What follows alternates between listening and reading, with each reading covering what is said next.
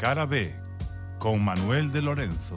Hey Jude, don't make it bad. Take a sad song and make it better. Remember to let her in your heart. Then you can start to make it better.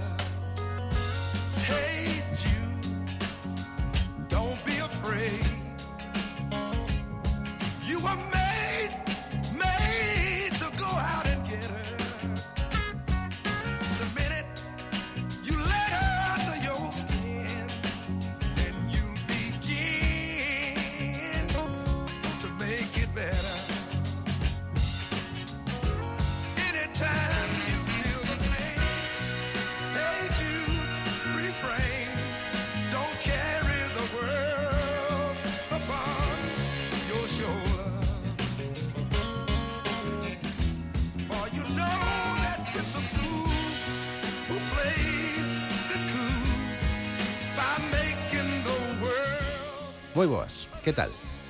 Isto que estamos a escoitar é a versión que Wilson Pickett publicou no ano 1969 da canción Hey Jude dos Beatles, escrita e cantada por Paul McCartney, en fin, un clásico, non? Ben, pois coñezades a Wilson Pickett ou non, se botades unha ollada na Wikipedia, ali pon que Wilson Pickett foi, e cito textualmente, un cantante afroamericano de rhythm and blues e de soul, en concreto unha das figuras máis destacadas do soul do sur de Estados Unidos.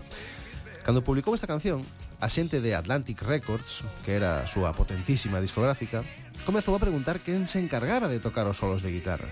E o produtor dos estudios onde se gravara a canción, chamado Rick Hall, respondeu cunha nota escrita a man que dicía, abro comiñas, foi un gato hippie que estivo vivindo no noso aparcadoiro. Atlantic Records era un selo discográfico especializado en jazz, soul e rhythm and blues. Naquela época, nos anos 60, Case todos os seus músicos eran, como día Wikipedia, afroamericanos. Aqueles eran os anos nos que o gobernador do estado de Alabama, onde se gravara esta versión de Wilson Pickett, onde se topaban estes estudios, abogaba pola segregación agora, segregación mañá, segregación para sempre. A xente de Atlantic preguntaba polos solos de guitarra nesa versión porque non lles parecía que foran tocados por ningún dos guitarristas de sesión habituais que eles coñecían. O productor Rick Hall dixo que dos solos se encargara un gato hippie que vivía no seu aparcadoiro. E tiña razón. O solo de guitarra, os arranxos dos que estamos a falar, son estes.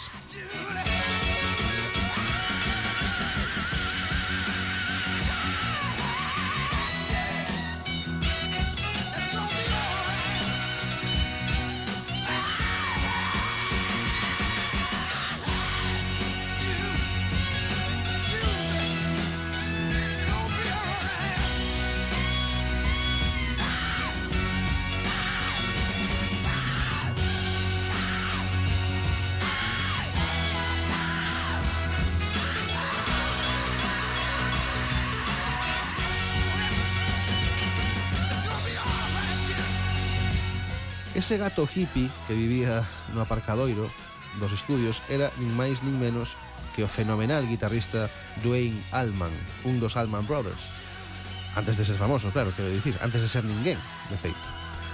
Gustáballe tanto o son que eran capaces de producir naquel estudio, estaba tan fascinado por como soaban os discos que proviñan de ali, que no ano 1968, cando tiña 22 anos de idade, instalou unha carpa na zona de estacionamento dos estudios e acampou ali mesmo durante meses e meses. Decidiu vivir ali, ao lado do estudio, cando os coches, só para estar preto das sesións de grabación que ocorrían ao outro lado da parede. E chegou a ser un bo amigo do produtor, de Rick Hall, e tamén de Wilson Pickett, que gravaba ali. Mais aínda, foi el, Dwayne Allman, quen lle descubriu a Wilson Pickett a canción Hey Jude dos Beatles, porque estes acababan de publicala. E malia que Pickett era negro como a noite e Alman era branco como o leite, e malia que non era frecuente ver os brancos xuntarse cos negros no sur de Estados Unidos naquela época, nin moito menos traballar xuntos, malia que o gobernador reivindicaba pola segregación agora, segregación mañá e segregación para sempre, Wilson Pickett pediulle a Dwayne Allman que gravase as guitarras da súa versión de Hey Jude, e así o fixo Dwayne Allman, e por iso ninguén en Atlantic recoñecía quen era o guitarrista nesa canción. E por iso tamén Rick Hall dicía a verdade cando respondeu que fora un gato hippie que vivía no aparcadoiro. Pouco tempo despois, aquel rapaz loiro e fraco, de longa barba e longos cabelos, chamado Dwayne Allman, se lle ofreceu ali un contrato de grabación e pasou a ser un dos músicos de sesión do estudio. E as audicións para formar o seu propio grupo leváronse a cabo ali mesmo, naqueles estudios. E así naceu The Allman Brothers Band, unha das bandas fundamentais e principais e posiblemente fundadora do xénero musical coñecido como rock sureño.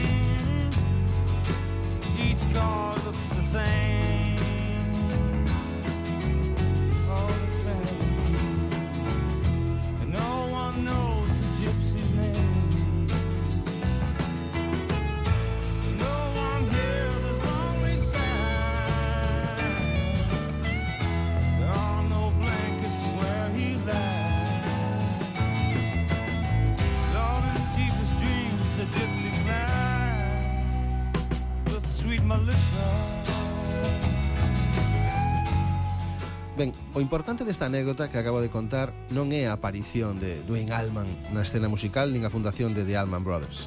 Esa é a consecuencia, máis ben, non? A consecuencia sen máis. O importante é o que hai detrás, porque esta historia que acabo de contar puido acontecer grazas a que o productor Rick Hall entendía que no que se refería a cor da pel dos músicos, el era daltónico. Eh? Era daltónico para a cor da pel, nun momento no que poucos máis o eran. El xuntou a músicos brancos e negros para crear unha simbiose estilística que duraría para sempre. Un son que nos comezos, naqueles anos 60, sería coñecido como o son Muscle Shoals, que era o lugar de Alabama onde se atopaban aqueles estudios, os estudios Fame. Hoxe en Carabé imos contar a historia dese son, hm, do Muscle Shoals Sound, de como naceu ese son nos estudios de Rick Hall, os estudios Fame, de como evolucionou ese son no estudio que fundaron despois os músicos de sesión eh, deste productor, de Rick Hall, nun estudio propio que se chamaba Muscle Shows Sound Studio e de como ese son e todo o que o rodeaba se converteu durante uns anos no epicentro de todo o interesante que estaba a suceder no panorama musical mundial. Eta James, The Rolling Stones, Aretha Franklin, Wilson Pickett, Willie Nelson, Leonard Skinner, Little Richard, Joe Cocker, Levon Helm, Paul Simon, Bob Seger, Cher, Cat Stevens, Bob Dylan, Elton John, Band of Horses, The Raconteurs, Alicia Keys. O número de grandes ídolos da música que pasaron por ali para resistar as súas cancións a través do filtro do son Muscle Shoals é asombroso. E hoxe imos entender por qué. Que aconteceu ali? De onde proviña a maxia?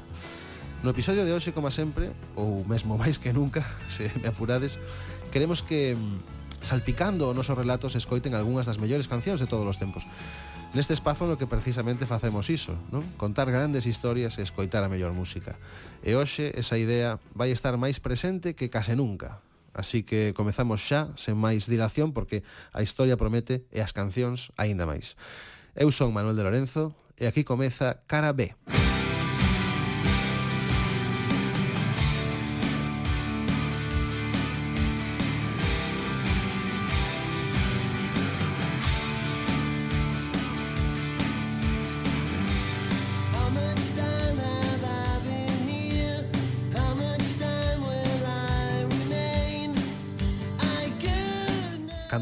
cando Rick Hall faleceu no ano 2018, a revista Rolling Stone publicou o seguinte.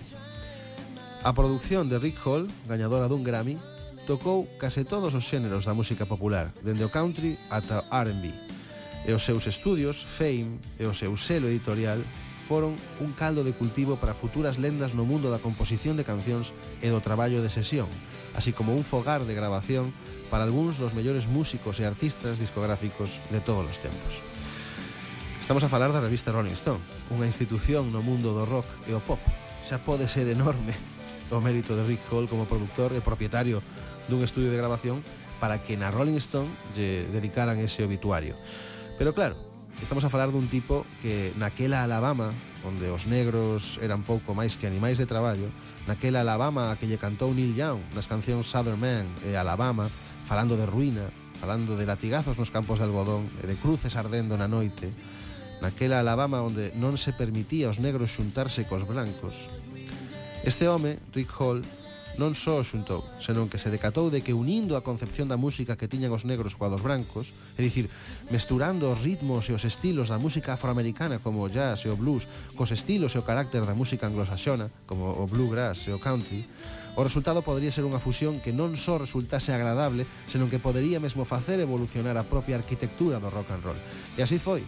¿Mm? Ese contagio cultural foi o que fixo posible que a música popular avanzase e evolucionase. E ese pequeno gran milagre se produciu precisamente entre as paredes dos estudios Fame e despois dos estudios Muscle Shoals Sound en Alabama, na cidade de Muscle Shoals. Seguramente, sen Rick Hall e todo o que ten que ver co son Muscle Shoals, O rock and roll non sería o que foi nos anos 70, 80 e posteriores. Toda a música popular a partir dos anos 60 lle debe os seus cimentos, e me apurades, a muscle shows. É tremendo que estou a dicir, pero é así. É como un filtro polo que tivo que pasar cada progresión, cada armonía, cada melodía para que o pop e o rock se converteran no que son. O cruce de camiños, fundamental, da historia da música é Muscle Shows. E todo grazas ao productor Rick Hall, todo grazas a esa pedra de roseta da Música eh, que é Rick Hall, non? A pedra de Roseta da música que escoitamos os seres humanos dende finais dos anos 60. Como di na propia web dos estudios Fame, que seguen activos a pesar da morte de Hall, abro comiñas, calquera discusión sobre música estadounidense que non involucre a Muscle Shows en Alabama non é realmente unha discusión en absoluto. Latexos do corazón, estremecemento da alma, icónico, son moitas as palabras que se usaron para describir o son de Muscle Shows. Eu penso, se mo permitides, que despois deste homenaxe breve a Rick Hall, o menos que podemos facer é contar a súa historia xa, non? Eh, a historia de como cambiou o mundo da música, de como aconteceron as cousas, se cadra no momento clave da súa vida. E así de paso podemos ir escoitando algúns dos moitos éxitos que naceron en Muscle Shoals. E para ir abrindo boca, xa que antes desfrutamos da versión de Hey Jude de Wilson Pickett con Dwayne Allman, agora podemos ir cun dos grandes números, un dos grandes números un, creados, paridos en Muscle Shoals. Publicado no álbum Sticky Fingers e grabado a comezos de decembro de 1969, ao mesmo tempo que outro hit dese álbum chamado Wild Horses, imos con Brown Sugar de The Rolling Stones, un clásico inmortal nacido en Muscle Shoals.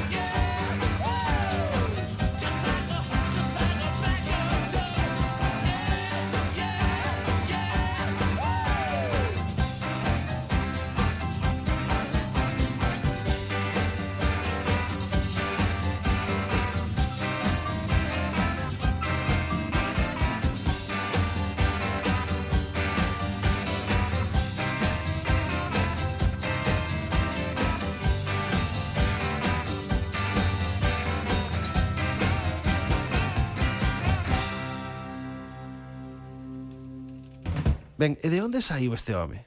Mm? De onde saiu o produtor Rick Hall? De onde saíron os estudios Fame? E por que se fundaron máis tarde os estudios Muscle Shoals Sound, inspirados nese son chamado Muscle Shoals, eh, chamado como a cidade de Alabama, onde se produciu toda esta concentración de talento, creatividade e iniciativa artística? Pois imos por partes, porque non é doado explicar dun, dun único brochazo como ese lugar pasou a ser un centro de referencia mundial para a música. Especialmente se temos en conta que se sumamos todo o que venderon as cancións producidas ali, estamos a falar de máis de 350 millóns de discos vendidos. Unha auténtica barbaridade, non?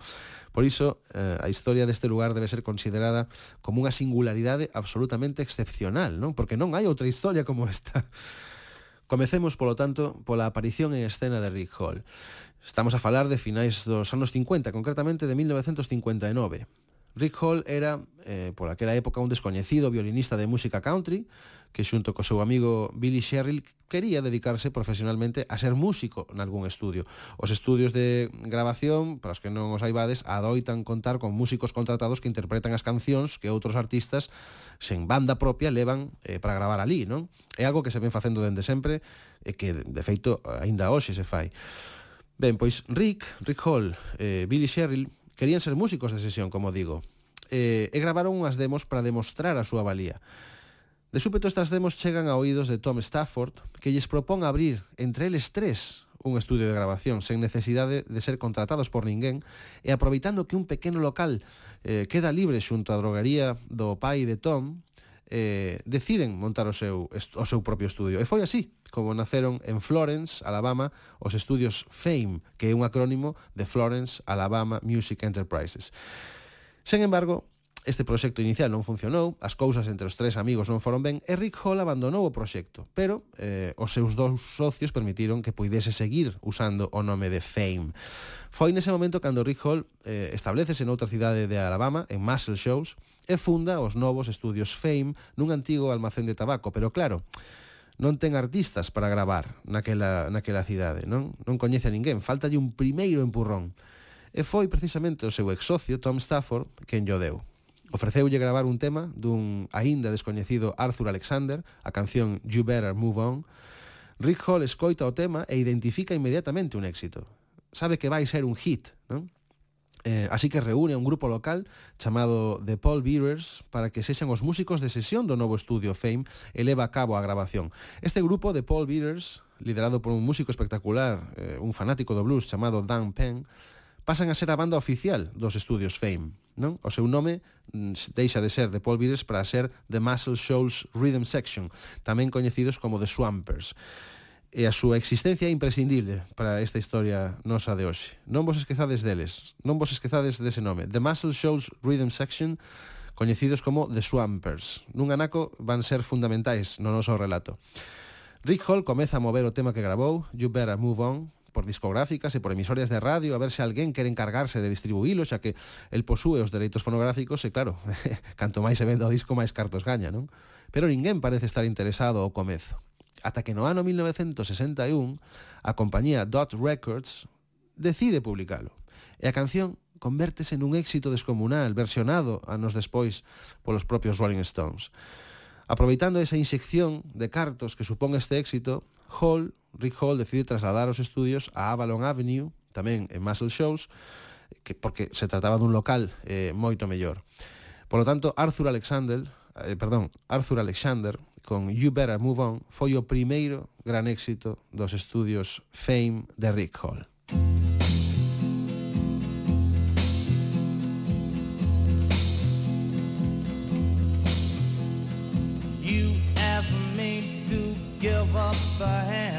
The girl I love. You tell me I'm not the man she's worthy of. But who are you to tell her who to love? That's up to her. Yes, and the Lord above you better move on. Well, I know you can buy her fancy clothes and diamond rings, but I believe she's happy with me without those things.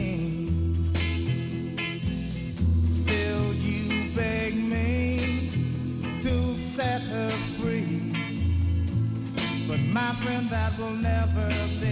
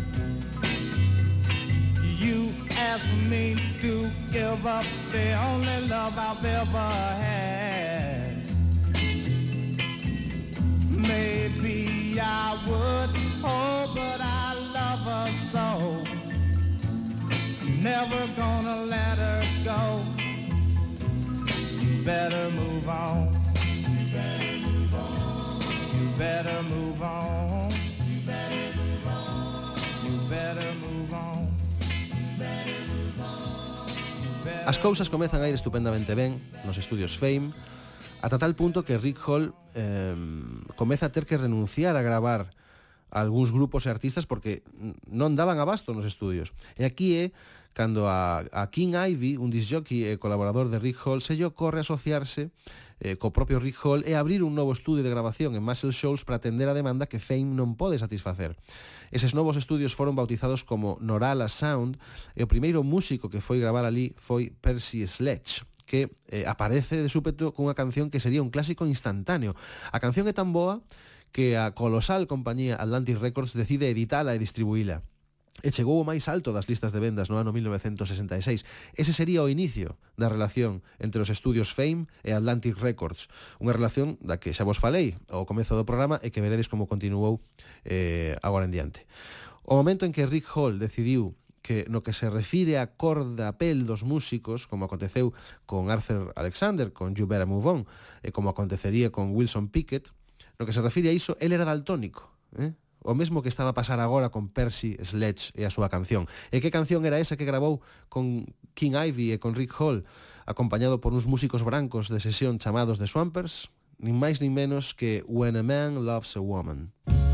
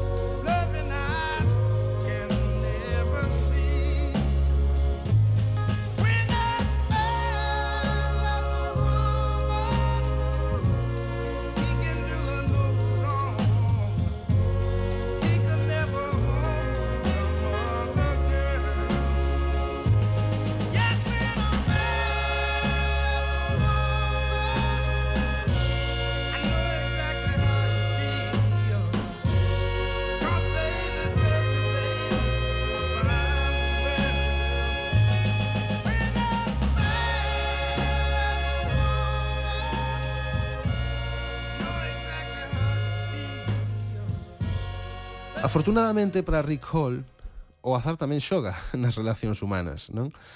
Eh, mesmo nas empresariais.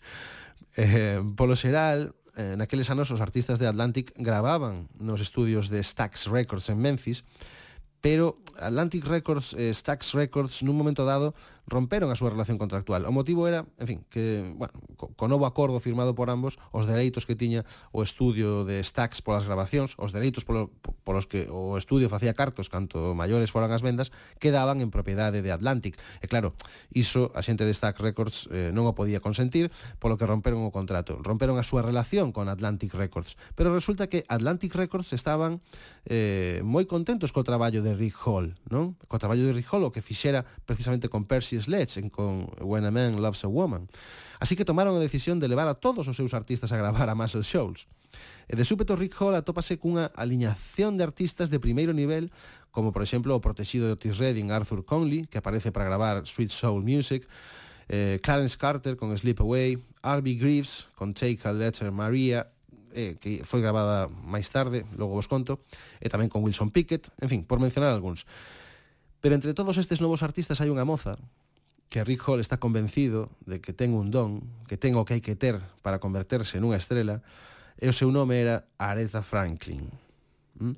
Aretha Franklin viña de abandonar Columbia para fichar pola compañía discográfica Atlantic Records, precisamente. As cousas non lle foran ben, non acababa de despuntar, pero Jerry Wexler, o, o dono de Atlantic, vira nela o mesmo que despois vería Rick Hall. O primeiro sinxelo que grabou para Atlantic Records con Rick Hall e os seus rapaces, lembrade, de Swampers, oficialmente chamados The Muscle Shoals Rhythm Section, foi I Never Loved a Man the Way I Love You. A canción foi inmediatamente destacada pola crítica como unha das grandes cancións do soul. A revista Rolling Stone escribiu Franklin grabou a súa versión desta maravilla soul, un queixume sobre que mal me trataches coa Muscle Shoals Rhythm Section, uns mozos brancos de Alabama. Estabas a referir os músicos de sesión de Rick Hall, non? Os Swampers. O que aconteceu foi que nesa sesión de grabación tivo lugar un problema inesperado. Un dos trompetistas do estudio acosou sexualmente a Franklin, eh, claro, foi inmediatamente despedido. Esa mesma noite, Rick Fall foi ver a Areza para tratar de reconciliarse con ela e co seu esposo, para pedirles desculpas, vamos. Pero eh, produciuse unha pelexa, un altercado, e como consecuencia a sesión de grabación foi cancelada e Franklin non volveu gravar ali. É verdade que anos máis tarde, eh, ela recoñeceu públicamente a Rick Hall, abro comiñas, polo punto de inflexión na súa carreira, levándoa dun artista en apuros a unha gran estrela da música. A parte boa de todo isto, eh, male que o resto da grabación se cancelara, é que para a historia xa quedara registrada nos estudios Fame a maravillosa I Never Loved a Man the Way I Love You. E nos, por sorte, podemos seguir desfrutando a día de hoxe.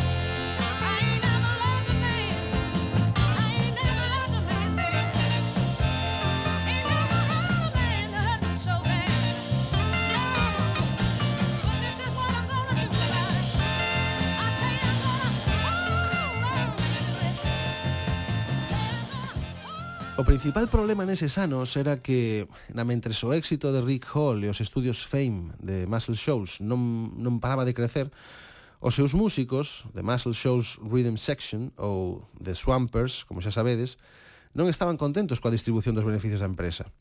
A ver, Rick Hall estaba a facer unha fortuna eh, o, o seu estudio era o principal estudio onde gravaban os mellores artistas de Atlantic Records pero claro, eles, os músicos, estaban a gañar os mesmos cartos que cando comezaron. Non? E eh, non era un estudio de grabación tan coñecido daquela e eh, tan frecuentado polas estrelas. É normal que o seu soldo fora menor, pero agora eles querían algo máis. E como consecuencia, eh, os Swampers, que eran Jimmy Johnson, Barry Beckett, David Hood e Roger Hawkins, decidiron abandonar o proxecto e foron establecerse pola súa conta, eh, creando un estudio de grabación na mesma cidade, en Muscle Shoals, no que facerlle a competencia a Rick Hall, porque eles sabían que parte do éxito dos estudios Fame era que eles, os músicos, se encargaban de facer posibles as cancións.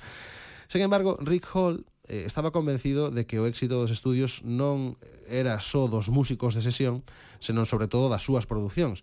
E non entendeu aquilo como un problema. Abriu esa porta, os Swampers, e aos poucos días xa tiña outros músicos eh, outros músicos de sesión que sí aceptaban as súas condicións de grabación. Eses músicos serían coñecidos como The Fame Gang, que permanecerían fiéis a Hall, iso sí, co paso do tempo. Esta nova formación de músicos de sesión acompañaría a algúns dos artistas dos que falamos antes nas súas seguintes eh, grabacións, e ademais serían os músicos de sesión para os artistas de Chess Records, un selo discográfico de Chicago que, atraído polo gran éxito de Atlantic, mandou a Muscle Shoals a gravar a artistas soberbios como a xenial Laura Lee ou a mítica Etta James, que gravou o seu éxito Tell Mama, que obtivo, por suposto, o favor do público e da crítica.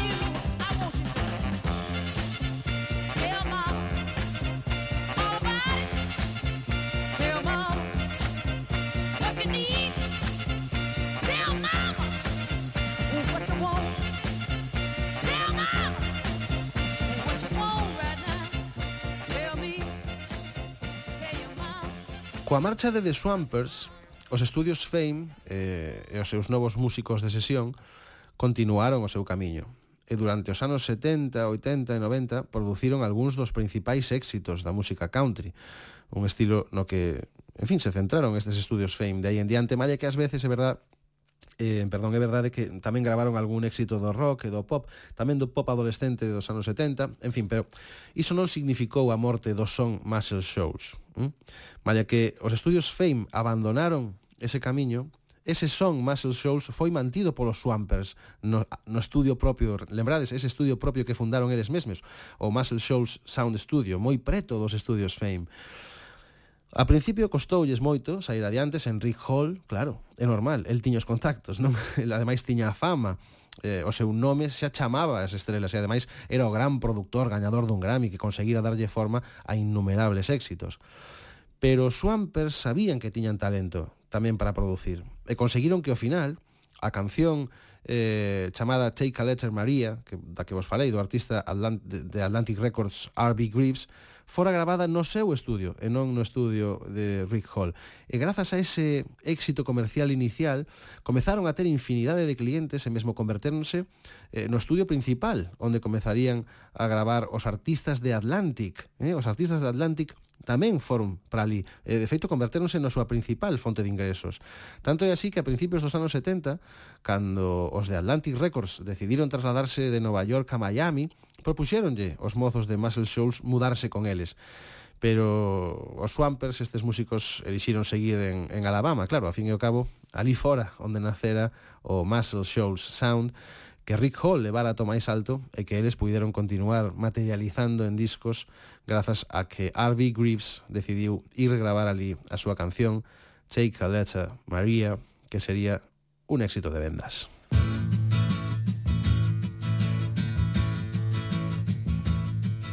Last night as I got home about a half past ten There was the woman I thought I knew in the arms of another man. I kept my cool, I ain't no fool. Let me tell you what happened then.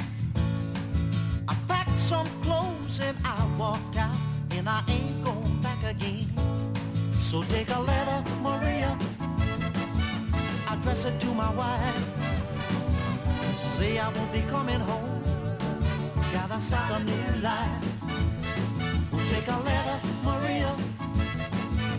Address it to my wife. Send a copy to my lawyer.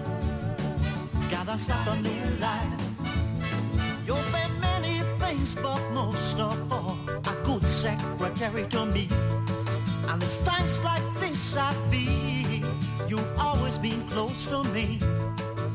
Was I wrong to work nights to try to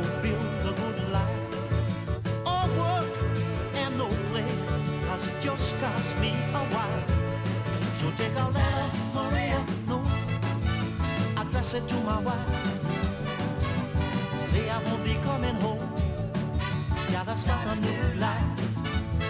We'll take a letter, Maria, address it to my wife. Send a copy to my lawyer. Gotta have a new life. When a man loves a woman, it's hard to understand. But she would find more pleasure in the arms of another man.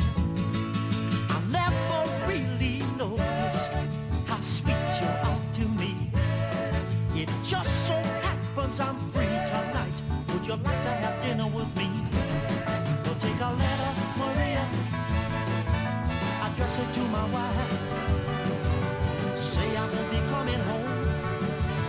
sotto nulla Oh, take a letter, Maria mm. Address it to my wife Send a copy to my lawyer Gotta have a new life Oh, take a letter, Maria oh, Address it to my wife Say I won't be coming home Co paso dos anos, eh, neses novos estudios, Muscle Shows, Gravarían algúns dos artistas que mencionamos ao comezo do programa, como The Rolling Stones, lembrades, non? Ademais de, de Brown Sugar, tamén gravaron ali en decembro de 1969 a canción Wild Horses, dous grandes exitazos contidos no disco Sticky Fingers que se publicaría no ano 1971, pero tamén foi gravar ali Joe Cocker, Elton John, Sean Lennon, Cher, Alicia Keys ou The Raconteurs. É certo que o estudio tivo os seus altos e os seus baixos, e mesmo mm, pasou nun tempo a formar parte dun grupo discográfico independente un pouco máis amplo, chamado Malaco Records. Pecharon estes estudios no ano 2005, cando pasou a mans dunha produtora cinematográfica, e despois volveu a abrir, pero de forma testemunhal, para gravar solamente dous discos que resultaron ser nomeados para o Grammy o mellor álbum de música alternativa. Estou a falar do Infinite Arms de Band of Horses no ano 2009 e o disco Brothers de Black Keys no ano 2011. A partir de aí, no ano 2013, o estudio foi mercado pola Muscle Shoals Music Foundation e restaurado por completo no ano 2015. Dende o ano 2017, eh, cun aspecto idéntico ao que tiña nos anos 70, o estudio funciona como unha atracción turística durante o día, pero durante a noite, cando o estado de Alabama está a dormir, O estudio Muscle Shoals Sounds segue a ser un estudio de grabación onde, quen sabe, agora mesmo eh, poderíase estar a crear o seguinte gran artefacto musical eh, do século XXI. Non o sabemos. No que a min respecta, solamente por gravar, e que tamén é curioso, eh, que foran gravar ali, despois de estar tanto tempo pechado, foran gravar os Black Keys e Band of Horses, non? E que resulta que eses dous discos, o Infinite Arms eh, de, de Band of Horses e o Brothers de Black Keys, foran nominados o, o Grammy, o mellor álbum de música alternativa, non? Por eso digo que no que a min respecta, solamente por gravar o Infinite Arms de Band of Horses, xa contan con toda a miña eh, gratitude. E que credes que vos diga, eh? Ata penso que é un pouco recoñecible ese son, ¿no? o Muscle Show Sounds nese discazo de, de Band of Horses. Está aí, está aí ese son, nótase, nótase, veredes. Música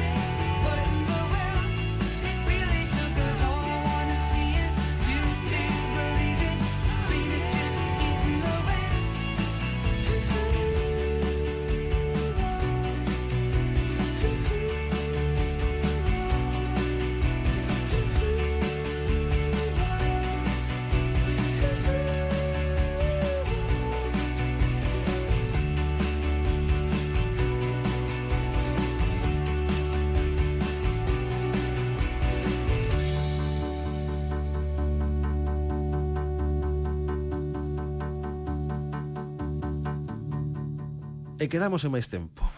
Ata aquí o programa de hoxe. Ata aquí esta historia sobre ese pequeno gran milagre que aconteceu na cidade de Muscle Shoals en Alabama hai xa unhas cantas décadas e que influiu de forma definitiva no percorrido da historia da música. Agardo que vos gustara tanto como a nós este relato que, como sempre, tentou profundar na parte de atrás da historia da música, na parte menos coñecida, meténdonos entre bambolinas para entender mellor como se forxan os mitos do rock e do pop. Para nós, como sempre, foi un placer traérvola ata este espazo no que se alternan as boas historias e as grandes cancións. Así que esperamos por todos vos a vindeira semana noutra entrega de Cara B, Pero se queredes escoitar algúns dos nosos episodios, non esquezades buscarnos na plataforma Radio Galega Podcast na web da Radio Galega, onde podedes atopar todas estas historias e todas estas grandes cancións. Coidadevos moito. Deixo vos hoxe con outra das moitas maravillas forxadas a base de talento e de sentimento en Muscle Shows. Música